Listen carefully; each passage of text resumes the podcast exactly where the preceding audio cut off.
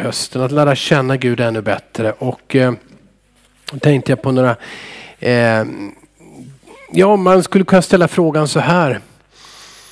Vem får, vem, får, vem får vara i Guds närhet? Vem får vara i Guds närhet? Eh, vem får vara i Karl den 16 Gustavs närhet? Får du det? Nej, det, det lär komma någon bodyguard och kommer du för nära så det, det är bara på speciell inbjudan, eller hur? Eh, några få människor får någon gång en medalj utav honom och så vidare. Eh, visst försöker han vara folklig, absolut. Jag har sett honom och Silvia här i Eskilstuna om det var 2015 eller något sånt här på en sån här Eriksgata besök genom Sverige. Kom även till Eskilstuna. Att vi, vi, vi, hade, vi fick känslan av att de vinkade till oss. Framförallt, drott, framförallt drottningen. Vet du. Vi, vi var nyinflyttade här då och talade tyska allihopa vi tänkte hon måste ju se oss. Liksom. Eller hur? Vem vet hörni.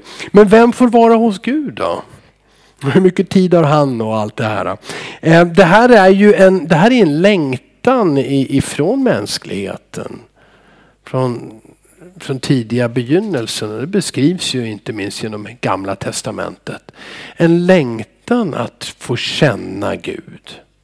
Eller få vara i hans närhet, att få umgås med Gud, bli, bli sedd av Gud. Det är en, en djup längtan i oss människor. Även om vi inte alltid kallar det för Gud och så vidare. Um, salm, salm eller saltar, salmen 15 eh, tar upp det här. Eh, med den frågan. Eh, psalm, eller Saltaren 15 ska jag säga. Herre, vem får bo i din hydda?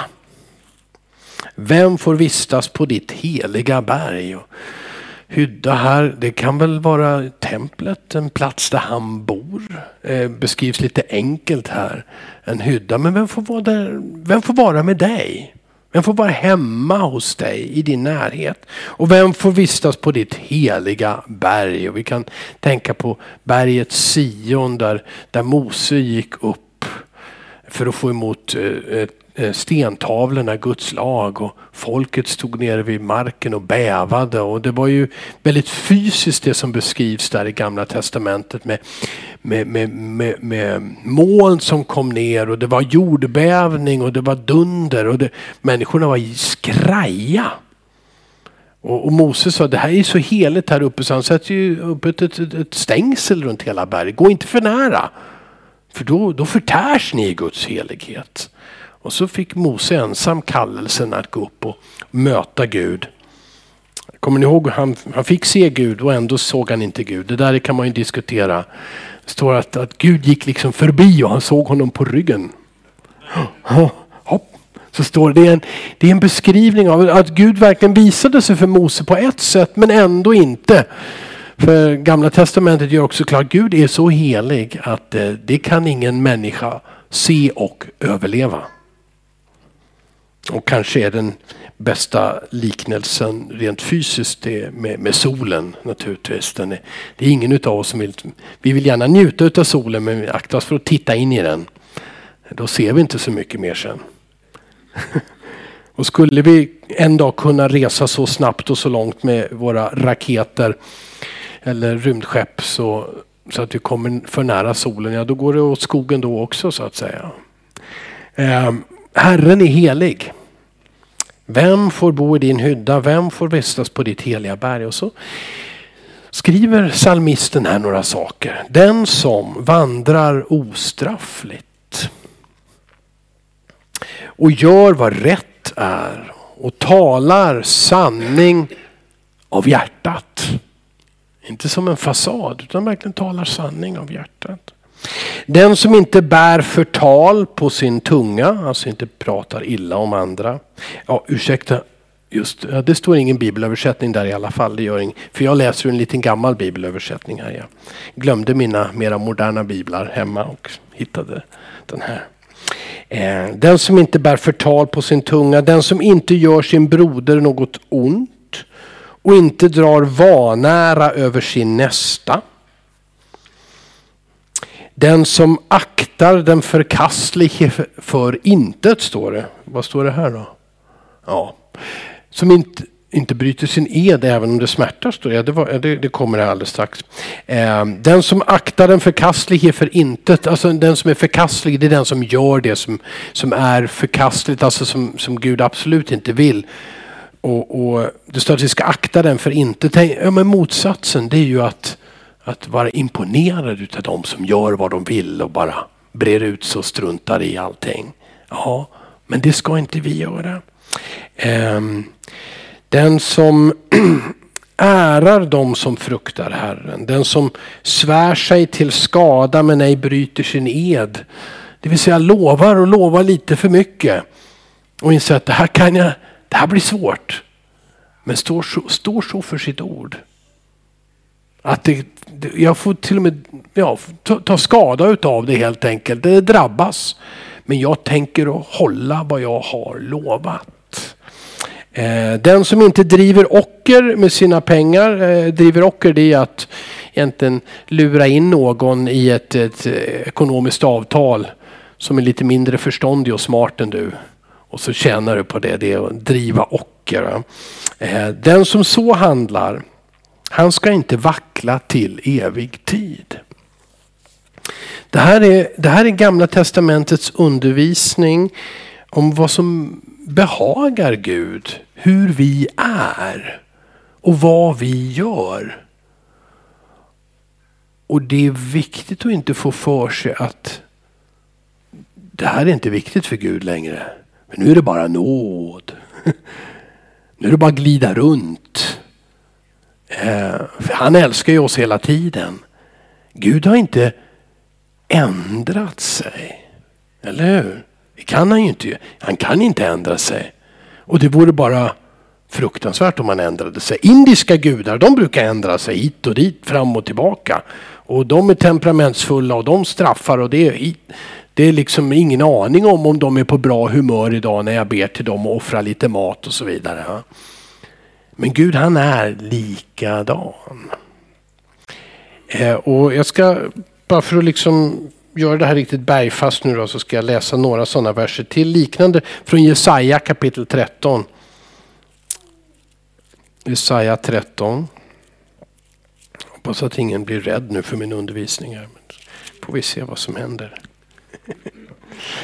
Ehm, då står det i Jesaja, eh, skriver profeten så här.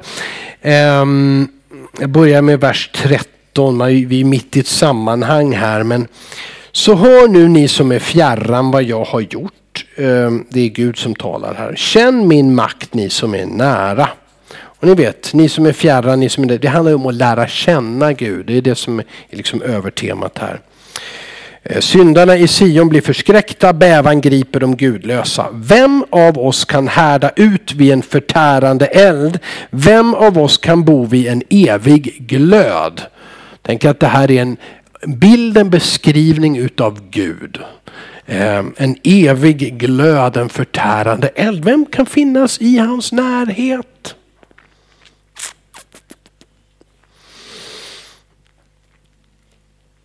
Problemet med ljus är att ljus lyser upp det som är mörker och det liksom det drar fram saker eh, som vi annars har försökt att dölja. Saker som vi vill glömma eller som vi skäms för, inte vill att andra ska veta. Och när ljus kommer på det, ja det blir avslöjat. Här i Sverige så säger vi också det som göms i snö kommer fram, eller dyker, ja, kommer fram i tö. Det vill säga under, ja ni vet, ju. akta er för hundskiten på gatorna när det har snöat. Men, men, men när snön smälter då, då ser man vad som ligger där. Va? Eh, och det här, det är ju en, det är, um, därför så säger man ju alltid att den som har liksom någonting oärligt undviker ju ljuset liksom, att, att det ska synas. Eh, men Gud är ljus och han är en, en glöd, han är en förtärande eld. Så står det sen vers 15, den som vandrar i rättfärdighet och talar vad rätt är.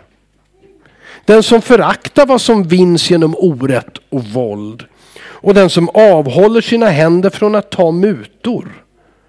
Den som tillstoppar sina öron för att inte höra om blodsgärningar och tillsluter sina ögon för att inte se vad ont är. funderar på om den där versen handlade om, om, om tv-filmer. Eh, att välja vad jag hör och vad jag ser. Eh, han, och så kommer löftet, den som lever så, han ska få bo på höjderna. Och det är någonting bra att bo på höjderna. Eh, det, klippfästen ska vara hans skydd. Det, klippfästen är ju en trygghet för, för djur som bor uppe bland bergen. Där trillar man inte ner, där bor man tryggt. Va? Där bor man högt, där är man skyddad. Eh, sitt bröd ska han få och vatten ska han ha beständigt. Alltså vad vi i alla fall kan, kan eh, eh, vad heter det nu då? Förstå ifrån det här det är att, att det, här, det finns saker som behagar Gud och det finns saker som inte behagar Gud. Och det finns saker som han vill ifrån oss människor när han har skapat oss. Eh, det finns, en, eh, det, det, finns det som är rätt och det finns det som är fel. Och det finns det som leder till välsignelse och det som leder till förbannelse. Och det här är ju tydligt i, i gamla testamentet. Men vad är det som jag nu vill göra med att läsa de här verserna? Vill jag gå tillbaka till en religion där vi, där vi ska prestera då, då för att vi ska få behaga Gud. Eh, en, en religion där vi liksom lär känna honom och vi gör allting som är rätt och undviker alla fel. Nej, naturligtvis inte eftersom det, det visas så tydligt utav Bibeln också med pedagogik att det är den vägen som funkar. Inte för att bli frälst, men ändå så är det det som Gud vill. Alltså Guds plan är inte för någon av oss att ligga på sofflocket och vänta på att Inshallah, det får ske vad Gud vill. Liksom. Vi får se vad som händer. Eller ja, Gud vet ju vad han gör och Jesus kommer tillbaka en dag men jag vet inte när det är så jag, jag, jag tar hand om mitt, mitt lilla egna här. Nej, men det, det är så litet tänker inte Gud om en enda människa. Utan Gud vill ju att hans vilja sker genom oss, att hans godhet sprids genom honom, eller hur? Ehm. Efesierbrevet 2 och 10 säger faktiskt att vi är skapade för goda gärningar. Men det finns en hemlighet där, för det står att vi är skapade i Kristus Jesus för goda gärningar. Det här är inte någonting som du och jag ska göra i oss själva. I vår egen kraft. Utan när, vi tog, när du tog emot Jesus så säger Bibeln att du blev en ny skapelse. Och det är Jesus som genom dig och mig vill att vi ska göra det som är rätt.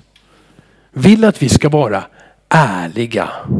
Inte utnyttja människor och situationer till vår egen fördel.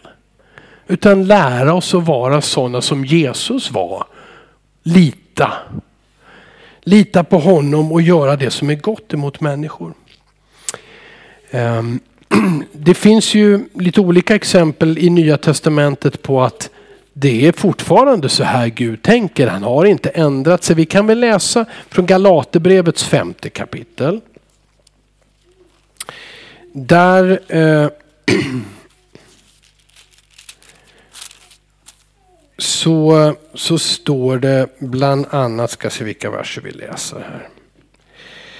Ehm, vi läser vers 13, börjar där. Galaterbrevets femte kapitel och trettonde vers. Vi, då står det så här, ni är ju kallade till frihet bröder och systrar. Okej, okay, härligt. Frihet från lagen, från tvånget, från att måste göra och inte göra det. Vi kallar det till frihet. Men så säger han ändå så här Paulus, låt bara inte den friheten ge köttet något tillfälle utan tjäna varandra i kärlek. Köttet det är, det är begären, det är de själviska begären, de syndiga begären. Det här vill jag ha, det vill jag göra nu och det vill jag göra på mitt sätt. Och det handlar om mig och min lycka och så vidare. Eh, det, det, är kött, och det, det, är, det ligger i strid med Gud och Guds ande. Eh, och, för det, och det har en sån kraft. Eftersom det har en sån kraft så var Jesus tvungen att dö på korset. Det, det, du och jag besegrar inte det genom disciplin, genom självdisciplin eller genom att späka och slå oss själva och liksom ändra på oss på det sättet. Vi besegrar inte det utan det är också, det kanske har att göra med att begären ligger så nära det som Gud vill. Alltså han skapat dig och mig för att tycka om mat och äta mat och, och få energi av mat. Eh, och dela, dela gemenskap med, med han. Alltså han har skapat, han har lagt, lagt sexualdriften i oss som någonting vackert ifrån Gud för att, för att njuta av i äktenskapet och kunna få barn, förmera oss som ett Guds uppdrag och så vidare. Så det, det ligger så nära det här. Vad är, vad är det som är rätt i det här och vad är det som blir fel? När blir det själviskt och egoistiskt? Eh, och därför så, så behövde Jesus, han behövde dö för att besegra det där själviska, det där syndens makt. Och så säga, men nu ska du använda allt det här som jag har gett dig på rätt sätt och skriver tjäna varandra i kärlek. Och jag tror att det sammanfattar väldigt mycket av vad Gud vill, eller hur? Alltså vad, är, vad är liksom det viktigaste? Jo men älska Gud och älska din nästa som dig själv. Och vilket sinnelag, vilken inställning ska ni ha? Jo Jesus, han som utgav sig själv för andra. Alltså tjäna andra i kärlek. Det är en bra sammanfattning. Men han skriver här eh, att anden som vi har och som vi har fått och köttet, de är ändå fiender till varandra. Och så vill han göra det tydligt och säga resultatet av om vi följer våra begär, om vi följer köttet. Det finns i vers 19. Vad köttet ger är lätt att se, skriver han.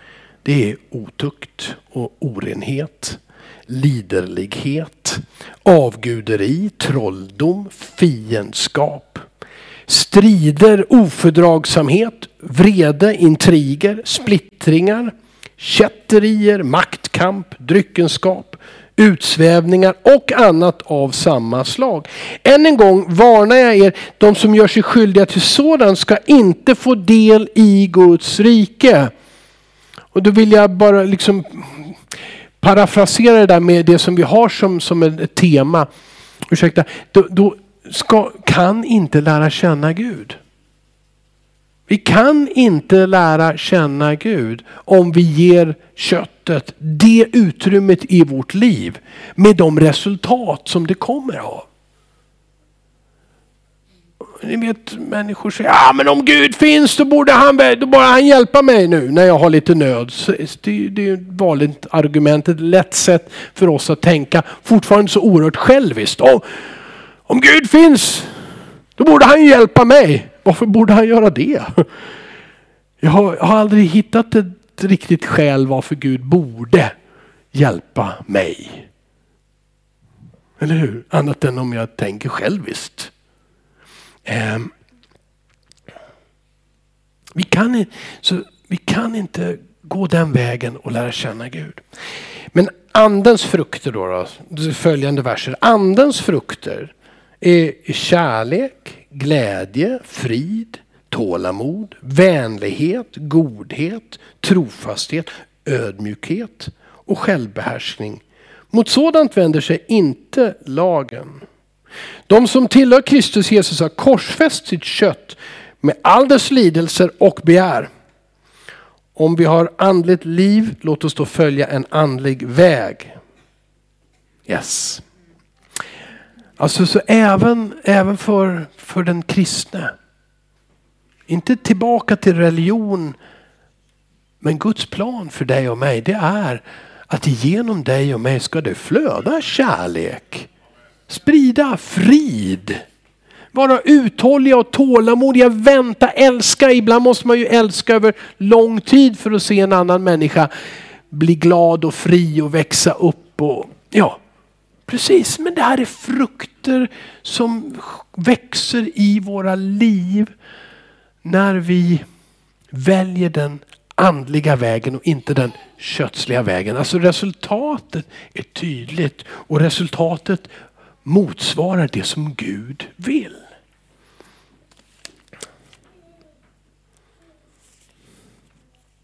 Är ni med mig så ska jag bara läsa lite till. Det finns nämligen en, det finns, det finns då Jakobs brev i Bibeln. Det är ett väldigt speciellt brev. Ehm, När man läser Galaterbrevet så betonar jag Galaterbrevet och alla, all annan undervisning av Paulus undervisar, det är utav tro som du blir frälst. Du, du tror på Jesus, det är inte genom att göra vissa saker som du blir frälst. Du förtjänar inte. Men, men, men Jakobs brev, där blir det plötsligt lite, det blir lite otydligare. Eh, för Jakob har lite en annan, han har någonting annat som han vill poängtera. Han lägger lite en annan och, Men det, det finns sådana uttalanden i, i Jakobs brev att, att han som, som liksom inledde den här tyske munken Martin Luther som, som inledde det som blev eh, reformationen som vi kallar det. Det vill säga att vi är frälsta av nåd och inte utav gärningar och att man inte kan köpa sin sig fri från synder så som det undervisades i katolska kyrkan och gjordes också väldigt praktiskt på den tiden.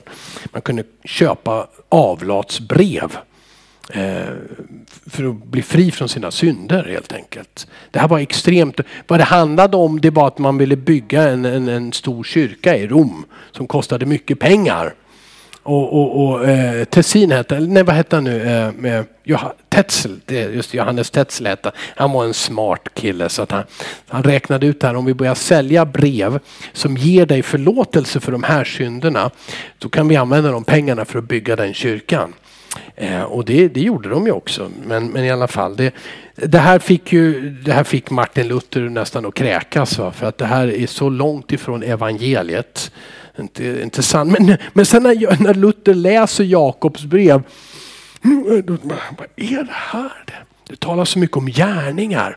Så han kallar det för en halmepistel. Alltså epistel är ju ett brev. Halm, vad händer med halm när elden brinner? Det står ju nämligen att allt som vi gör ska prövas. Och har vi byggt med trä och halm eh, så det prövas av eld, vad händer då? Jo, det brinner upp. Vi ska bygga med guld och ädelstenar, det håller liksom. Det här är ju, för vi, vi, det är så. Ja, men I alla fall, jag läser några verser här. Nu har jag problematiserat Jakobs brev lite för er. Eh, Jakobs brev kapitel 1, vers 3-4. Ni vet ju att om er tro består provet ger den uthållighet. Han talar om tro här, tro som, som ger uthållighet. Och sen så säger han, men uthålligheten måste visa sig i fullkomliga gärningar så att ni blir fullkomliga och hela utan någon brist. Så tro ger uthållighet, men uthållighet måste uttryckas i gärningar skriver han. Och här är det är alltså så att Jakob ja, vi, det, det blir ännu tydligare om vi läser i kapitel 2. Vad det är han är ute efter då. Eh, vi läser kapitel 2, vers 20. Kan inte läsa alla verserna här. Hm. Eh, men inser du inte tanklösa människa att tro utan gärningar är utan verkan. Så vill han förklara det här blev inte vår fader Abraham rättfärdig genom gärningar när han la sin son Isak som offer på altaret? Ja, det vill säga, det var hans gärning. Han, han tog sin son för han upplevde Gud säger åt mig att offra min son. Och han band honom och la honom på ett altare. Eh, och, och sen så, bara så, om du inte har läst den berättelsen så precis när han faktiskt ska döda sin son så, så stoppar ju Guds hand honom och säger nej, nej, nej, nej, du ska inte döda din son här och så ger han honom ett, ett djur, en, en vädur istället som han slaktar och så tillber de Gud. Men, men, men, men eh, han skriver att den här gärningen den, det är ju en, en handling en, eh, inför Gud. Och den så, då skriver han så här i vers 22. Du ser att hans tro samverkade med hans gärningar. Och det var genom gärningarna som hans, fru, hans tro blev fullkomlig. Vad, eh, vad, vad Jakob vill visa här. det är inte att du blir frälst genom att göra rätt handlingar. Men han säger att om du säger att du tror men det syns inte. Ja, då ska du nog spegel, då ska du nog sätta en spegel framför dig själv. Då ska du pröva ditt hjärta. Om du säger att du tror på Jesus men du hatar din granne. Och varje gång som du hör att grannen går i porten så stänger du din dörr så fort du bara kan. Då stämmer någonting inte. Då blir det liksom ett test på vad, vad är det för tro du har. Om du springer på varenda bönemöte och många andra möten i kyrkan. Men du vill absolut inte träffa människor. Du, och du orkar inte ens med tanke på de utsatta för du tycker det är deras eget fel att de har handlat där. Det är, det är de som har ställt till det. får de ta hand om vad de har gjort med sina liv. Ja, men då, då, då, då säger Jakob, hallå, vakna upp nu. Kan inte säga åt den fattig, och det, det säger han ju. här, Gud välsigna dig. Klä dig, ät någonting gott och klä dig varmt. Och så går han hem utan jacka och utan mat. Så vad, vad är det för Guds välsignelse att uttala över någon om det inte leder till en handling? Det börjar inte med handlingen, det är inte den som får Gud att säga, oh du är en speciellt bra människa. Och dig vill jag gärna frälsa och låta dig veta att jag älskar dig. Det är inte där det börjar. Utan det är tron. Men tron leder till en förvandling. Att du blir en ny skapelse. Och som en ny skapelse så har Gud planerat för dig att vandra i förutberedda gärningar. Gud har tänkt ut varenda dag av ditt liv, varenda möte, varenda stund har han tänkt ut. Och han säger det här ska inte vara så komplicerat. Lita, följ anden. Välj den andliga vägen och inte den kötsliga egoistiska. Då ska du se frukterna av det i ditt liv och andra människor också. Och märker du att det kommer bara massa annat. Gå tillbaka till Jesus. Säg Jesus, jag vill, jag vill ju vara frälst på riktigt. Jag vill tro på dig. Lita på dig. Och så får vi vända oss till honom. Och det är kan säga till avslutning, det är inte att vi lyckas göra allt det rätta och inte gör någonting utav det som är fel. Utan det är att våga tro på ett enkelt löfte. Att om du tror på Jesus, bekänner det, då är du frälst. Då är du frälst. Gud, Gud förvandlar ditt hjärta Hans ande flyttar in i ditt liv. Och det ger en längtan att göra det som är rätt. Som en pingstön vill jag också säga, Gud vill också ge oss kraft att göra det som är rätt. Och det ger han speciellt, gör han speciellt också genom att döpa oss i den helige ande. Han tycker inte att vi ska ha lite grann på något sätt. Känna att ja, det, nu har jag börjat om men det var en tuff väg att gå det här. Utan Gud vill genom andens dop ge oss kraft att följa honom, att göra det rätta, att göra hans vilja. Och därför så uppmanas vi också att söka andens dop. Men det här ville jag dela med dig och jag hoppas jag inte har tryckt ner en enda än utan uppmuntrat oss. För Gud är helig och han, han vill genom oss, genom dig och mig sprida sin godhet. Och han har en plan och den vill han fullgöra genom dig och mig. Fader i himlen, jag tackar dig för ditt ord Herre Jesus Kristus. Jag, jag ber att det ska bli tydligare för oss och var undervisningen inte tydlig så ber jag att du ska hjälpa oss var och en Herre, både i bibelläsning och studium och samtal, att förstå vad du vill Herre. Herre Jesus Kristus, jag ber att du ska hjälpa mig och oss alla Herre, att leva i din vilja dag för dag. Och jag ber att vi ska få vara använda utav dig till att sprida försoning och förlåtelse och godhet Herre. Jag ber Jesus Kristus att du ska ge oss just också uthållighet Herre i att älska människor, bry oss Herre, inte ge upp när kalla vindar blåser Herre, utan tro på dig Herre.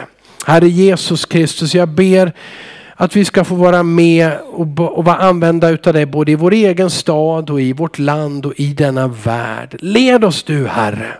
Led oss du Herre, jag ber dig. I Jesu namn. Amen. Amen.